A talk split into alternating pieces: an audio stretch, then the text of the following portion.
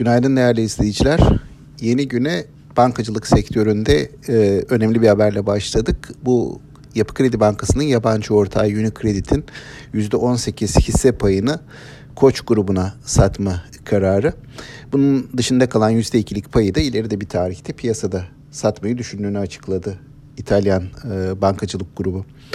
Ee, bir süredir e, Yapı Kredi Bankası'nda bununla ilişkin e, fiyatlamalar, değerlendirmeler yapılıyordu. Bunun e, nihayetlenmesi, açıklığa kavuşması da iyi oldu diye düşünüyorum.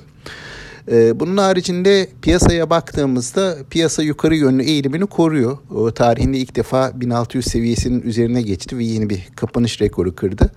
Ama bunlar e, TL basındaki değerlendirmelerde e, bu şekilde görünüyor. Dolar bazlı grafiklere baktığımızda hala endeksin dip seviyelerde olduğunu çok da e, böyle bir e, kayda değer zıplama gerçekleştirmediğini söylemek mümkün.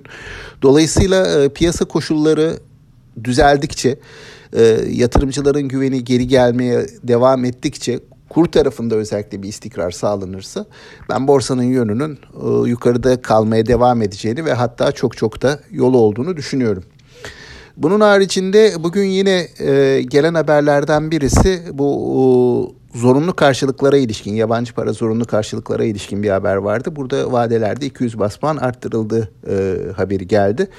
Bunun e, hani kur tarafındaki olası dalgalanmaları veya Merkez Bankası'nın işte e, kendi para politikası içerisinde bir çerçeve oturduğunu e, görüyoruz, düşünüyoruz. E, dolayısıyla hani banka tarafında karlılık olarak bunun çok fazla bir etkisi olacağını da tahmin etmiyorum. Bu şekilde değerlendirebilirim.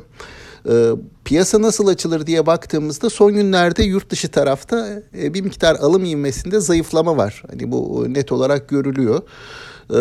dolayısıyla bunun bir kar satışını gündeme getirebileceği e, konuşuluyor bir e, kaç haftadır.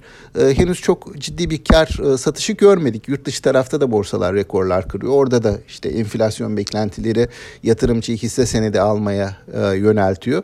Bunun e, etkilerini izlemeye devam ediyoruz. Bizim tarafta da e, tabii az önce de belirttim hem dolar bazında çok ucuz bir piyasa var e, hem de işte karlar e, bu çeyrek sonuçlarında ortaya gördüğü gibi koyduğu gibi güçlü geliyor. Dolayısıyla ben bizim tarafta e, olumlu etkinin, iyimser etkinin süreceğini tahmin ediyorum. Yurt dışı tarafa bağlı olarak e, kısa dönemli kar satışları, düzeltmeler görebiliriz. Ama ana eğilim yukarı yönlü olmaya devam edecektir diye tahmin ediyorum. Aktarmak istediklerim bunlar. Sağlıklı, bol ve bereketli kazançlı günler dilerim. Yeniden görüşmek üzere.